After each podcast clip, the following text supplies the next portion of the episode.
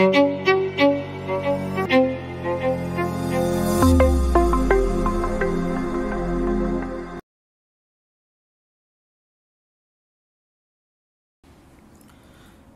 ini cukup menarik sekali karena kisah ini banyak pelajaran yang kita akan petik tentang kisah Bani Israel yang disebutkan dalam Al-Quran di beberapa ayat tetapi yang paling rinci dalam surah Al-A'raf kisah ini disebut dengan Ashabu As-Sabti kisah satu kampung yang mereka bermaksiat di hari Sabtu. Ma'asyiral muslimin yang dimuliakan Allah Subhanahu wa taala. Kita tahu bahwa sepertiga Al-Qur'an ini adalah kisah. Sepertiganya lagi bicara tentang akidah dan sepertiganya lagi tentang hukum dan ibadah. Dan inilah tariqah Al-Qur'an Bahkan Sufyan Ats-Tsauri rahimahullahu taala mengatakan bahwa kisah di dalam Al-Qur'an itu bagian daripada jundun min junudillah. Tentara daripada tentara Allah Subhanahu wa taala. Maknanya bahwa kisah dalam Al-Qur'an ini bukan diceritakan sebagai dongeng saja tidak. Tetapi banyak pelajaran yang bisa kita ambil ibrahnya kalau kita berbicara tentang kesabaran, maka di sana ada kisah Nabi Ayub alaihi salatu wassalam. Kalau bicara tentang tantangan dakwah, maka di sana ada kisah Nabi Allah Ibrahim alaihi salatu wassalam dan para nabi yang lainnya.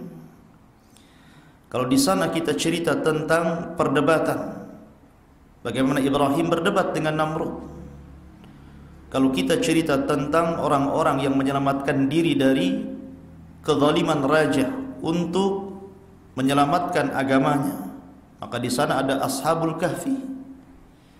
Kalau kita bicara tentang fitnah harta minggu yang lalu kita sudah dijelaskan tentang kisah sahibul jannatain dan begitulah Al-Quran banyak kisah-kisah yang kisah itu sebenarnya menenangkan hati kita bahwa kalau kita tertimpa sesuatu, orang-orang sebelum kita sudah ditimpanya. Sehingga kita semakin mantap hati kita untuk semakin dekat kepada Allah Subhanahu wa taala. Kisah Ashabus Sabti ini cerita tentang Bani Israel. Dan Anda tahu bahwa Bani Israel ini kaum yang sangat aneh sekali. Berbeda dengan kaum-kaum yang lainnya, baik sesudah ataupun sebelumnya. Sehingga Allah Subhanahu wa taala utus kepada mereka nabi yang sangat sabar. Nabi Musa alaihi salatu wassalam.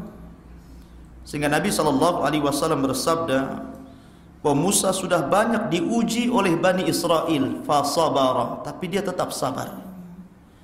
Karena Bani Israel ini seorang atau umat yang sangat degil, yang sangat keras kepala. Terkadang mereka tidak mau beriman kecuali melihat mukjizat. Anda bisa bayangkan ketika Bani Israel diselamatkan oleh Musa alaihi salatu wassalam dari kejaran Fir'aun dan mereka bertahun-tahun diperbudak di Mesir. Kemudian diselamatkan Musa alaihi salatu wassalam dan Fir'aun ditenggelamkan. Mereka tidak yakin bahwa Fir'aun itu tenggelam. Mereka melihat ingin melihat jasadnya.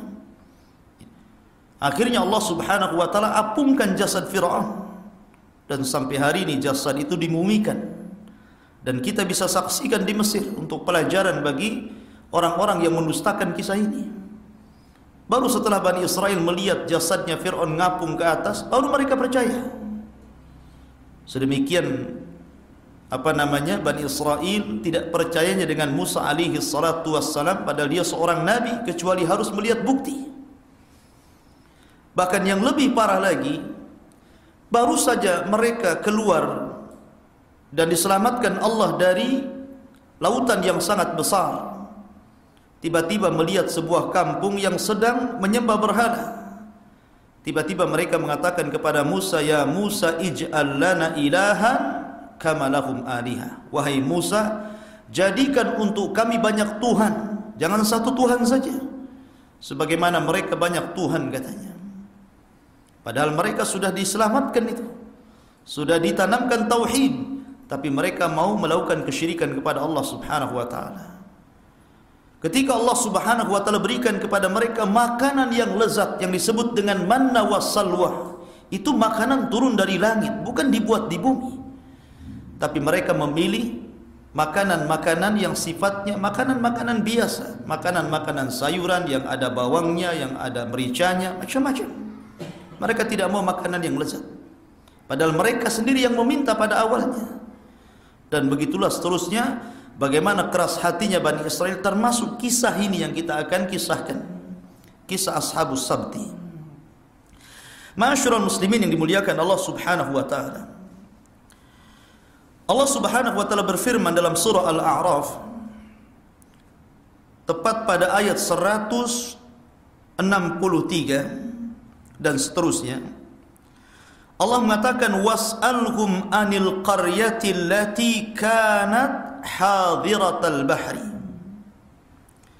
dan tanyakanlah kepada Bani Israel kepada mereka Maksudnya tanyakan kepada mereka, tanyakan kepada orang Yahudi yang di Madinah. Jadi Allah Subhanahu wa taala perintahkan kepada Rasul, wahai Muhammad, tanyakan kepada orang-orang Yahudi yang ada di Madinah. Karena Madinah dahulu banyak orang Yahudi tinggal di situ. Di sana ada Bani Quraidah, di sana ada Bani Qunaiqa, di sana ada Bani Nadir. Ya. Itulah kabilah-kabilah Yahud sebelum Nabi SAW hijrah dari Mekah ke Madinah. Maka Allah Subhanahu wa taala katakan kata tanya kepada mereka orang-orang Yahudi. Anil qaryati allati kanat hadiratal bahri. Tentang negeri yang terletak dekat lautan. Mungkin maksudnya di sini ada satu negeri yang pencaharian mereka itu nelayan. Ya, mungkin kalau daerah sini mungkin kampung nelayan sana gitu kan. Dan ada yang mengatakan nama kampung itu adalah Ailah yang ada di Palestina. Ada yang mengatakan Madian. Dan ada yang mengatakan penghuninya cuma 70 ribu orang saja. Dan penghasilan mereka hanya nangkap ikan saja. Kemudian Allah Subhanahu wa taala mengatakan, "Id ya'duna fi sabti." Ketika mereka melanggar aturan di hari Sabtu. Kita tahu ikhwatu fili muliakan Allah Azza wa Jalla sejak dulu hari yang sangat dimuliakan adalah hari Jumat sejak dulu sampai hari ini. Hari yang sangat mulia itu hari Jumat. Kenapa? Karena hari Jumat itu hari diciptakan Adam. Hari dimasukkan Adam ke, dalam sorga. Hari dikeluarkan Adam dari sorga dan pada hari itu pula kiamat dibangkitkan. Sehingga sejak dulu hari Jumat itu hari yang sangat istimewa. Dijadikan hari untuk meluangkan waktu untuk beribadah kepada Allah Subhanahu wa taala. Tapi orang-orang Yahudi tersesat dari hari ini. Mereka tidak mau milih hari Jumat. Tapi justru mereka memilih hari Sabtu. Alasan mereka karena Allah Subhanahu wa taala ketika menciptakan langit dan bumi itu dimulai dari hari Ahad dan diakhiri hari hari Jumat. Berarti enam hari. Laqad khalaqnas samawati wal ar fi sittati ayyam. Dan kami ciptakan langit dan bumi itu pada enam hari. Maksudnya diawali hari Ahad dan diakhiri hari Jumat. Kemudian mereka mengatakan berarti hari Sabtu adalah hari istirahat Allah. Allah cuti pada hari ini. Makanya kemudian mereka menjadikan hari Sabtu kalau Allah saja cuti artinya tidak melakukan aktivitas, maka juga kami akan jadikan hari ini hari cuti mereka. Maka mereka menjadikan hari Sabtu sebagai hari ulang tahun mereka. Hari untuk menghususkan diri beribadah kepada Allah Subhanahu wa taala dan tidak melakukan aktivitas dunia. Adapun orang-orang Nasrani, mereka juga tersesat tidak memilih hari Jumat. Mereka justru memilih hari Ahad hari Minggu sebagai hari di mana mereka fokuskan untuk beribadah dan di hari yang lain baru kemudian mereka sibuk mencari dunia. Akhirnya Allah Subhanahu wa taala karuniakan hari Jumat untuk kaum muslimin. Allah yang pilihkan. Kalau Yahudi memilih sendiri hari Sabtu, kemudian Nasrani memilih sendiri hari Ahad, tapi hari Jumat Allah pilihkan untuk umat Rasul sallallahu alaihi wasallam. Karena hari itu hari yang sangat istimewa, Sayyidul Ayyam pemimpinnya hari-hari. Bahkan hari ini juga terkadang menjadi hari di mana tanda-tanda orang itu dikatakan husnul khatimah. Kalau orang meninggal di hari Jumat dan dia orang yang beriman dan takwa, maka itu salah satu tanda husnul khatimah. Masyurul muslimin yang dimuliakan Allah Subhanahu wa taala. Lah hari Sabtu itu bagi orang-orang Yahudi adalah hari sangat istimewa.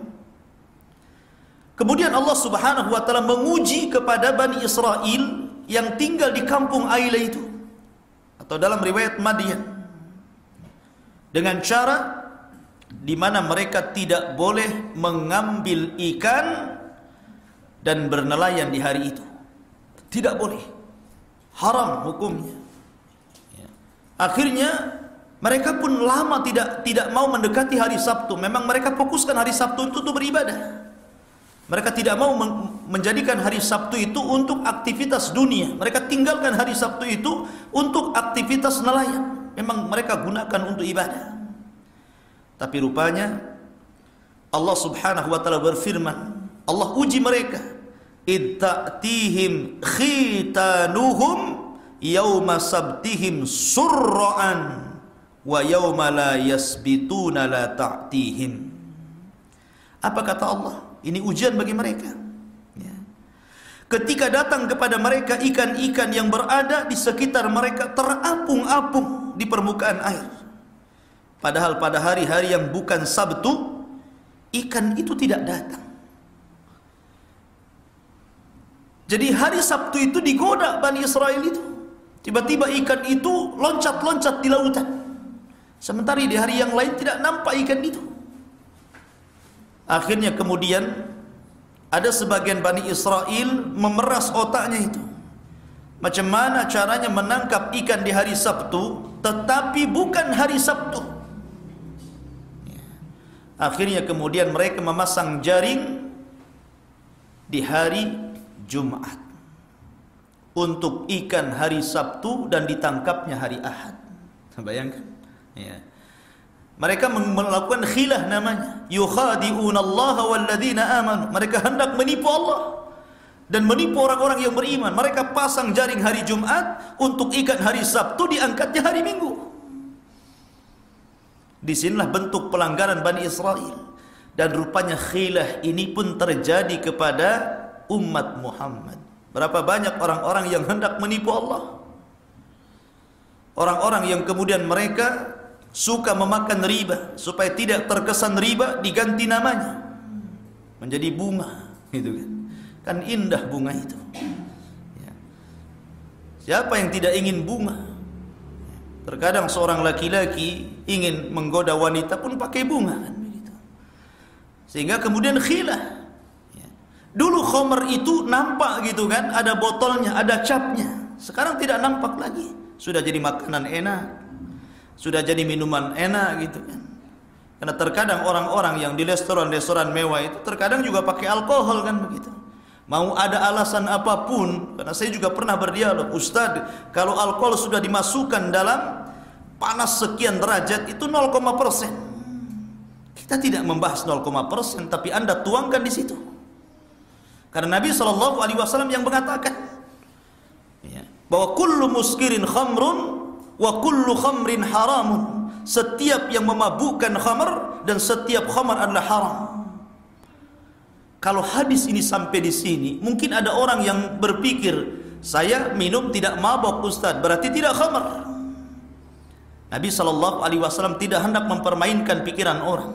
Makanya Rasul melanjutkan hadisnya walaupun sedikit mabok ataupun tidak mabok artinya bahwa tidak lagi ada permainan di sini Ya. Tidak lagi orang berpikir saya nggak mabok minum segelas. Kalau minum tiga botol baru gitu kan. Tapi Nabi Shallallahu Alaihi Wasallam mengatakan walaupun sedikit mabok ataupun tidak mabok haram.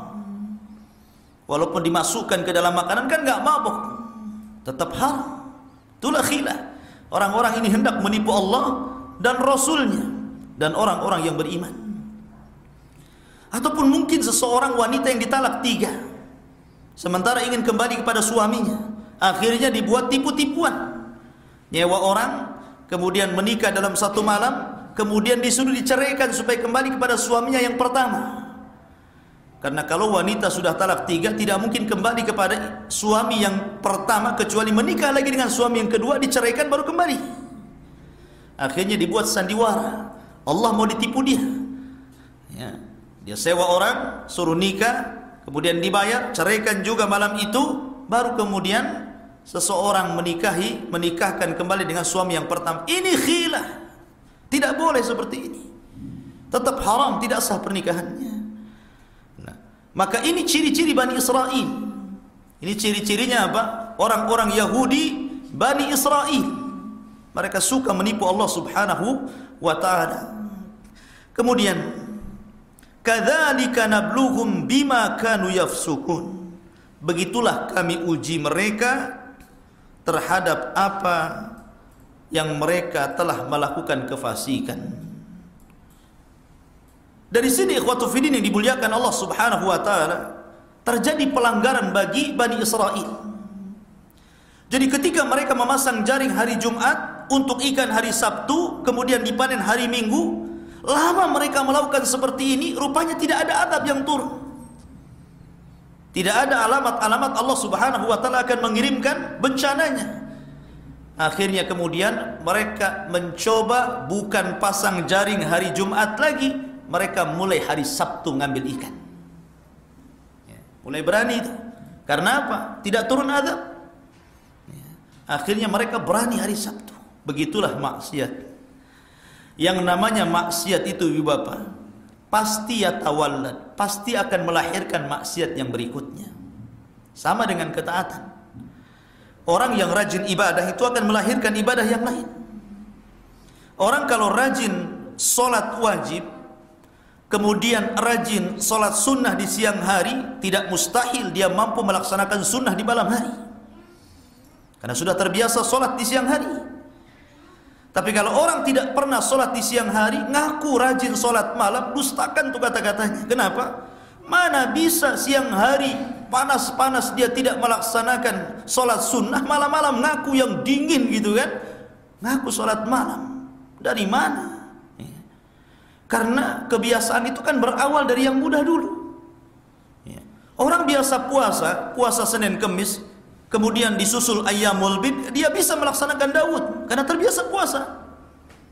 Kalau ujuk-ujuk kemudian antum ingin puasa Daud, nggak akan sanggup. Ya. Lah sebagaimana ketaatan melahirkan ketaatan yang lainnya, maka maksiat juga sama, melahirkan maksiat yang lainnya. Contoh yang ringan saja di masyarakat. Kalau seandainya orang itu pinjam uang, dalam tempo yang sudah ditentukan satu bulan saya bayar. Rupanya Allah takdirkan satu bulan ini tidak sanggup membayar, belum ada duit. Mungkin pada awalnya dia tidak berdusta, mungkin dia jujur dan mengatakan afan belum ada uang, insya Allah dalam dua tiga hari saya bayar. Jujur dia. Tapi setelah kemudian apa yang dijanjikan sampai kepada waktu yang ditentukan mulai dia bohong. Mulai dia bohong tuh. Akhirnya kemudian dengan kebohongannya itu bertumpuk-tumpuk-tumpuk, akhirnya emosi. Ya kan? Yang emosi bukan yang nagih hutang, dia pula yang ditagih yang emosi gitu. Si bulak balik saja nggak ada duit saya, kan itu. Kok bisa yang emosi dia? Itulah maksiat itu berawal kecil jadi besar. Lihat di sini. Ya. Awalnya itu kan dia tidak bermaksud sengaja menipu kan? Dia hanya memasang jaring hari Jumat, kemudian untuk ikan hari Sabtu dipanen hari Ahad. Tapi ketika lama tidak ada azab, tidak ada kunjung tanda-tanda Allah, kemudian mengirim bencana, maka mereka mulai tajarru Allah, mulai berani untuk melanggar larangan Allah. Di hari Sabtu terang-terangan mereka mengambil ikan. Maka dari sini manusia terbagi menjadi tiga satu kampung itu. Jadi satu kelompok memang yang kurang ajar, yang fasik ini, yang melanggar ketentuan Allah, mereka mencari ikan di hari Sabtu. Yang satu kelompok lagi diam saja. Tidak mau menasehati dan juga tidak ikut terlibat dalam pencarian ikan. Dan kelompok yang ketiga ini yang berusaha untuk menasehati agar mereka menghentikan perbuatan itu karena nanti azab Allah akan turun kepada mereka. Dan itu digambarkan di sini. Kemudian Allah Subhanahu wa taala mengatakan, "Wa idh qalat ummatum minhum lima ta'iduna qauman Allahu muhlikuhum aw mu'adzibuhum adzaban syadidan." Qalu ma'dziratan ila rabbikum la'allakum tattaqun. Dan ingatlah ketika ada satu kelompok dari orang kampung itu. Mereka berkata, Mengapa kamu menasihati kaum yang akan dibinasakan atau diadab Allah dengan adab yang sangat keras? Mereka menjawab, agar kami mempunyai alasan lepas tanggung jawab kepada Tuhanmu dan agar mereka kembali bertakwa. Lah ini kelompok ini, kelompok yang pertama tentu kelompok yang mereka melanggar syariat Allah sehingga mencarikan dari Sabtu. Ini kelompok yang kedua ini kelompok ini memang tidak ikut terlibat. Tidak ikut terlibat dalam pelanggaran seperti orang-orang yang mencarikan dari Sabtu. Tapi orang ini marah kepada kelompok yang ketiga yang menasihati kelompok yang pertama. Ya. jadi umpamanya saya nasihati bapak ini. Tiba-tiba antum marah sama saya. Ustaz tidak usah dinasihati biarkan saja dia katanya kan. Biarkan saja Nanti kalau sadar sadar sendiri katanya. Nah, ini kelompok yang kedua namanya ya. Ini kelompok yang pertama, kelompok kedua, ini kelompok ketiga saya ini. Ya. Saya ini menasihati dia agar jangan sampai kemudian ditimpa ada. Tapi kelompok yang kedua mengatakan ngapain dinasihati biarkan saja. Ya. Makanya mereka mengatakan dan ingatlah ketika suatu umat di antara mereka berkata, "Mengapa kamu nasihati kaum yang akan dibinasakan atau diadab Allah dengan adab yang sangat keras. Ada di masyarakat yang seperti ini? Ada, banyak. Ya kan? Terkadang kita bawanya nasihat di tetangga, tetangga ini ngomel. Nggak usah, biarkan saja katanya. Lah, oh. ini wataknya Yahudi Bani Israel ini. Harusnya bersyukur ada orang yang menasihati orang sementara kita tidak sanggup.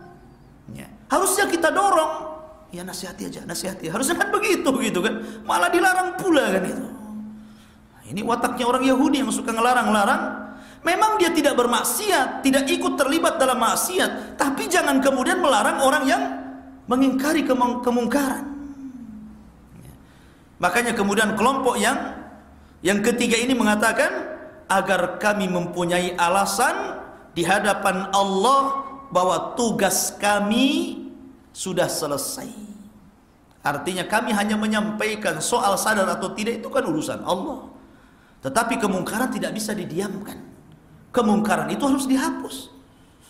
Karena Allah Subhanahu wa taala berfirman, "Fattaqu fitnatan la tusibanna alladziina zalamu minkum khassa." Hendaklah takut kalian kalau seandainya Allah Subhanahu wa taala telah mengirimkan fitnahnya, azabnya kepada kalian, yang kena bukan orang-orang dolim saja secara khusus, tapi orang-orang yang baik yang diam membiarkan kedoliman itu terkena imbasnya kata Allah. Itulah pentingnya kita melakukan ingkar kemungkaran itu. Supaya kalau seandainya azab Allah turun, kemudian kita ikut terlibat juga terkena azabnya, kita punya alasan di hadapan Allah. Ya Rob, saya sudah berusaha menasihati dia, tapi dia tak mau. Tapi kalau seandainya kemudian Allah turunkan azab, kita belum menasihati, kemudian kita ikut dalam azab itu, apa yang anda harus pertanggungjawabkan di hadapan Allah? Mungkin antum akan diam saja gitu kan? Tidak punya alasan. Ini alasannya supaya kami punya alasan di hadapan Allah. Kalaupun nanti tertimpa azab dan kami ikut serta dalam azab itu, tapi kami punya alasan yang kuat. Kami sudah menasihati mereka. Jadi jangan kemudian kita diam. Jangan diam. Kalau ada orang bertetangga kita yang bermaksiat kepada Allah Subhanahu wa taala, tegur. Tegur dia. Aja gitu kan. dan mengingkari kemungkaran itu ada tiga macam dan itu tergambar dalam surah Al-Kahfi dalam tiga kisah pertama kisah Dzulqarnain yang kedua kisah sahibul jannatain dan kisah ashabul kahfi. Ini tiga kisah ini selaras dengan sabda Nabi sallallahu alaihi wasallam man ra'a minkum munkaran falyughayyir biyadihi Barang siapa yang melihat kemungkaran maka cegah dengan tangannya. Maksudnya cegah dengan kekuatan. Kalau punya kekuasaan. Seperti Zulkarnain. Zulkarnain punya kekuasaan, punya tentara banyak. Ya. Dia kalau lewat di sebuah kampung dipaksanya beriman. Kalau tidak diberiman dibunuh. Dipaksa untuk bertauhid kepada Allah. Kamu menyembah Allah, mau beribadah kepada Allah atau tidak? Kalau tidak dibunuh. Kalau mereka mau menyembah Allah, mentauhidkan Allah, diperbaiki kampungnya. Diajari orang-orangnya, dicerdaskan masyarakatnya. Itulah tugasnya Dzulqarnain. Kenapa? Mengingkari kemungkaran dengan cara seperti itu karena dia punya kekuatan. Punya kekuasaan. Jadi kalau Anda di lingkungan Anda jadi RT, jadi RW, kemudian di situ ada maksiat, perzinahan atau apa namanya, Anda bisa usir mereka. Anda punya kekuasaan di situ. Maka antum mengingkari seperti itu seperti antum posisinya Raja Dzulqarnain. Kamu kalau maksiat di kampung sini keluar kamu dari sini kan begitu. Toko tobat. Ya. Kalau nggak tobat keluar dari sini, jangan maksiat di sini, gitu kan? Itu kalau punya kekuatan. Tapi kalau seandainya maksiat ini kuat, Anda tidak bisa mengingkarinya, justru Anda lemah. Karena orang yang melakukan maksiat ini kuat, maka posisi Anda seperti Ashabul Kahfi. Ashabul Kahfi cuma tujuh orang. Ya kan? Melawan satu kerajaan. Tidak mungkin lah. Ya kan? Orang yang melakukan kesyirikan itu satu kerajaan. Sementara orang-orang yang mentauhidkan Allah anak-anak muda ini jumlahnya cuma cuma enam. Ya. Tujuh dengan anjingnya. Akhirnya apa? Mereka hanya bisa berdakwah dengan hati hanya mendoakan supaya mereka sadar dari kesyirikannya, mereka kemudian keluar, kemudian sembunyi di gua. Gak bisa apa-apa. Terpaksa sembunyi di gua kan. Tetapi dengan sebab mereka setelah Allah tidurkan lama, kemudian dengan sebab mereka hidayah menyebar di di negaranya, akhirnya menjadi negara yang tauhid. Kalau kuat maksiatnya kita tidak bisa mengingkari dengan kekuasaan, kekuasaan, tidak bisa dengan lisan juga, maka cukup dengan hati walaupun itu selemah-lemahnya iman. Kemudian kalau tidak bisa dengan kekuasaan maka dengan lisan. Dan itu seperti kisah ashab jannatain yang kemarin sudah kita kisahkan. Bagaimana kawannya menasihati kawannya yang tidak mau bersyukur dengan nikmat Allah. Ya kan? Maka inilah cara mengingkari kemungkaran dengan kekuatan seperti Dzulqarnain, dengan lisan seperti kisah pemilik dua kebun dan dengan hati seperti ashabul kahfi. Begitulah cara mengingkari kemungkaran. Kemudian Allah mengatakan di sini, "Falamma nasu ma dzukkiru bih, anjayna alladhina yanhauna 'anis su' wa akhadna zalamu bi'adzabin ba'isin bima kanu yafsukun." Maka setelah mereka melupakan apa yang diperingatkan kepada mereka, kami selamatkan orang-orang yang kami selamatkan orang-orang yang melarang orang-orang yang berbuat jahat dan kami timpakan kepada orang-orang yang zalim siksaan yang keras disebabkan mereka selalu berbuat fasik. Ketika orang-orang yang mencari ikan di hari Sabtu ini, ikhwan, mereka merasa tenang karena tidak ada azab. Kemudian terjadi pengelompokan. Ya, yang satu kelompok keras ini memaksa mereka untuk menghentikan pekerjaan mereka di hari Sabtu. Yang satu kelompok malah sibuk melarang orang yang menghentikan orang yang berbuat jahat. Akhirnya orang-orang baik ini membuat sikap. Karena kalian tidak bisa dinasehati, kami pula dilarang-larang, maka kami akan buat pagar dengan kalian. Akhirnya dibuat pagar. Jadi mereka membuat pagar sendiri dengan dengan pagar yang sangat tinggi sekali. Mereka mau berpisah, tidak mau. Sebab kalau seandainya adab Allah Subhanahu wa taala turun kepada mereka, mereka tidak akan kena. Akhirnya kemudian dibuat benteng sama mereka. Dibuat benteng memisahkan diri dengan orang-orang yang durhaka kepada Allah dengan melanggar perintah Allah mengambil ikan di hari Sabtu. Dibuat benteng besar-besar, dipisahkan. Jadi satu benteng orang-orang yang orang-orang yang bermaksiat kepada Allah di sana kemudian dibuat benteng orang-orang yang yang senantiasa al-amru bil ma'ruf wa nahyu anil munkar dan satu kelompok lagi benteng lain orang-orang yang justru tidak ikut maksiat tetapi mereka justru menyalahkan orang yang mengingkari kemungkaran.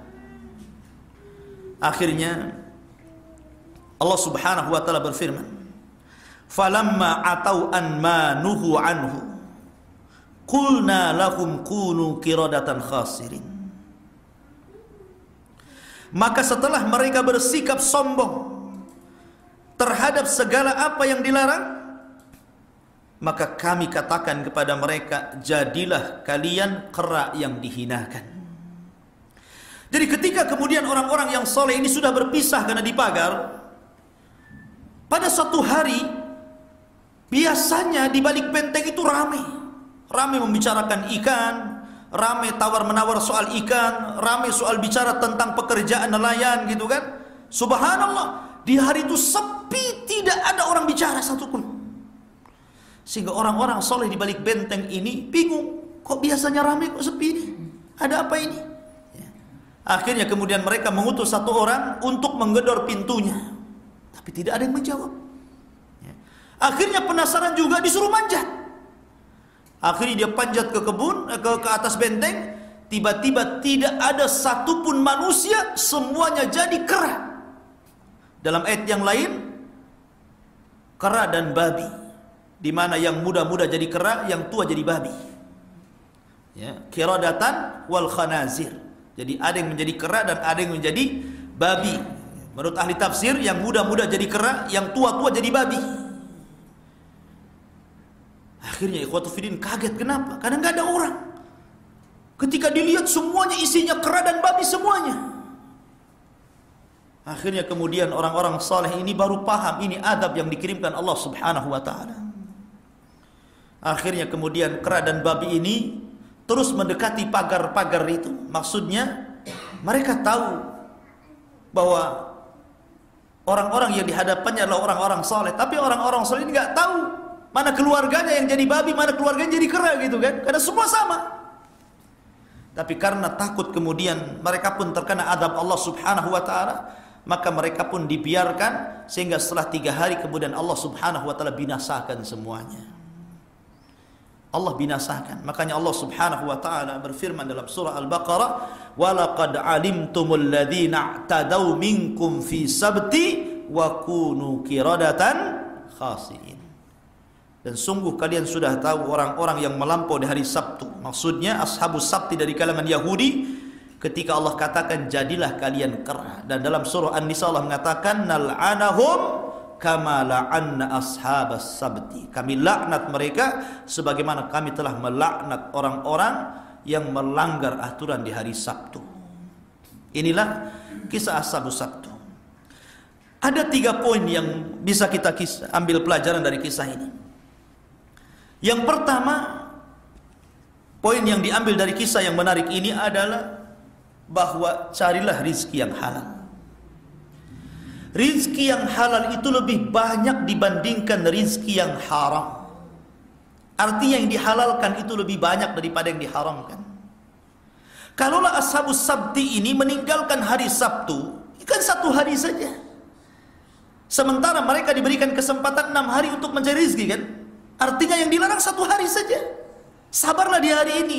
Jangan kalian cari. Toh masih banyak hari yang dibolehkan untuk mencari rezeki. Di sana ada hari Ahad, ada hari Senin, Selasa, Rabu, Kamis, Jumat.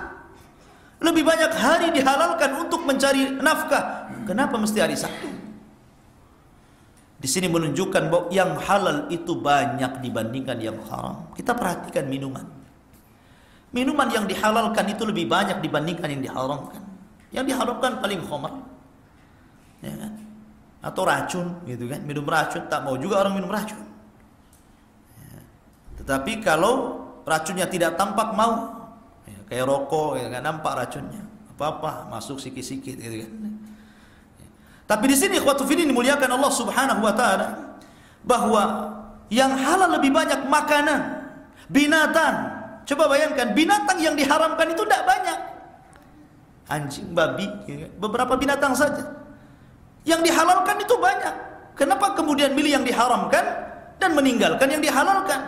Begitu juga dalam dunia perniagaan, dalam dunia jual beli. Yang dihalalkan itu banyak. Kenapa mesti cari yang diharamkan? Makanya satu kisah yang sering saya ceritakan. Di zaman Ali radhiyallahu an datang seorang pengemis ingin meminta-minta ke rumah Ali radhiyallahu an. Diketuk pintunya, Rupanya dia pengemis. Dan Ali sudah niat untuk memberi pengemis itu sebanyak khamsumi'ati dirham. 500 dirham. Itu janji Ali. Tunggu di sini, saya akan ambil uang saya. Dan dia janji ingin memberi 500 dirham. Allah takdirkan Ali ini lupa ngeletakkan uangnya di mana. Nyari, nyari, nyari gak ketemu gitu kan. Sementara pengemis ini gak sabar. Akhirnya tidak sabar, Rupanya dia melirik ke kudanya Ali, ada pelana yang bagus, dicurinya pelana itu. Kemudian dia pergi.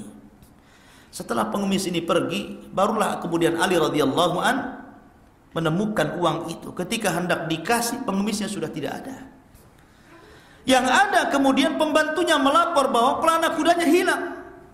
Karena Ali sedang megang duit 500 dirham, maka diserahkan kepada pembantunya, nih uang 500 dirham karena tadi saya hendak memberikan kepada pengemis tapi pengemis sudah tidak ada kau beli pelana itu ke pasar akhirnya dia bawa 500 dirham pergi ke pasar dia. Rupanya di pasar ada orang yang jual pelana. Pas pula harganya 500 dirham. Dibawa pelana itu diserahkan kepada dikata lah ini kan pelana kita. Yang kamu bilang hilang kok ini ini beli di mana? Siapa orangnya? Kemudian dijelaskan ciri-cirinya. Kemudian Ali berkata inna lillahi wa inna ilaihi rajiun. Kalaulah pengemis itu sadar dan sabar untuk menunggu aku mencari uang, tentu dia akan mendapatkan 500 dirham itu dengan cara halal. Tapi dia tidak sadar dan tidak sabar. Akhirnya dia mencuri pelana, memang harganya sama 500 dirham, tetapi dengan cara haram. Ya kan? Mendingan mana 500 dirham halal atau 500 dirham halal haram? Ya tentu yang halal karena halal itu berkah. Ya. Artinya tidak mustahil kalau Allah kasih rizki hari ini 500 ribu. Kalau kita bisa sabar, kita bisa dengan cara yang halal dapatkannya itu. Tapi banyak orang yang kemudian tergesa-gesa untuk mendapatkan rizki Allah yang 500 ribu itu. Akhirnya dengan cara curang dia dapat. Ya rizki Allah juga kan begitu. Allah yang kasih. Tapi jalurnya ada yang halal, ada yang haram. Akhirnya juga akibatnya berbeda. Yang halal dengan yang haram kan berbeda akibatnya. Yang satu berkah, yang satu tidak berkah. Kemudian pelajaran yang kedua bahwa kisah ini mengajarkan kita untuk lebih taslim menerima seluruh putusan Allah dan Rasulnya. Kalau Allah sudah memerintahkan sesuatu, kita katakan sami'na wa ata'na. Itulah sifat orang-orang yang beriman yang Allah katakan dalam Al-Qur'anul Karim di mana sifat-sifat orang-orang yang beriman mereka mengatakan sami'na wa ata'na, kami dengar dan kami taat. Tapi lihat orang-orang Yahudi ini. Mereka diberikan perintah oleh nabinya dan ada yang mengatakan bahwa kisah ini di zaman Nabi Dawud alaihi salatu wassalam sama dengan kisah Nabi apa seorang budak soleh namanya Luqmanul Hakim juga di zaman Nabi Dawud. Jadi ada yang mengatakan kisah ini di zaman Nabi Dawud. Jadi mereka sudah diwanti-wanti oleh nabi mereka agar jangan menyerobot ikan di hari Sabtu. Ini hari larangan, tidak boleh. Tapi mereka serobot sami'na wa asaina. Mereka mendengar tapi bermaksiat. Maka kalau orang kemudian membaca Al-Qur'an, kemudian dia membaca perintah salat, perintah zakat, perintah puasa, perintah-perintah yang lainnya, tapi Anda langgar, maka sama juga Anda mengatakan sami'na wa asaina. Kemudian yang terakhir pelajaran dari kisah ini jangan menghalalkan yang diharamkan. Jangan menghalalkan yang diharamkan Allah Subhanahu wa taala. Jangan pernah menipu Allah. Ya. Karena ini ciri-ciri orang-orang munafik, yukhadi'una Allah wal ladzina amanu. Mereka hendak menipu Allah dan orang-orang yang beriman. Dengan cara apa? Dengan cara melakukan kecurangan dalam ibadah, dalam akidah dan dalam bermuamalah, terutama dalam bermuamalah dan akhlak. Ya. Banyak di kalangan kaum muslimin yang mereka masih kemudian menghalalkan yang diharamkan Allah Subhanahu wa taala. Wallahu alam. Ini di antara faedah pada kisah Ashabus Sabti malam ini. Sebelum saya tutup, kalau ada yang bertanya silakan.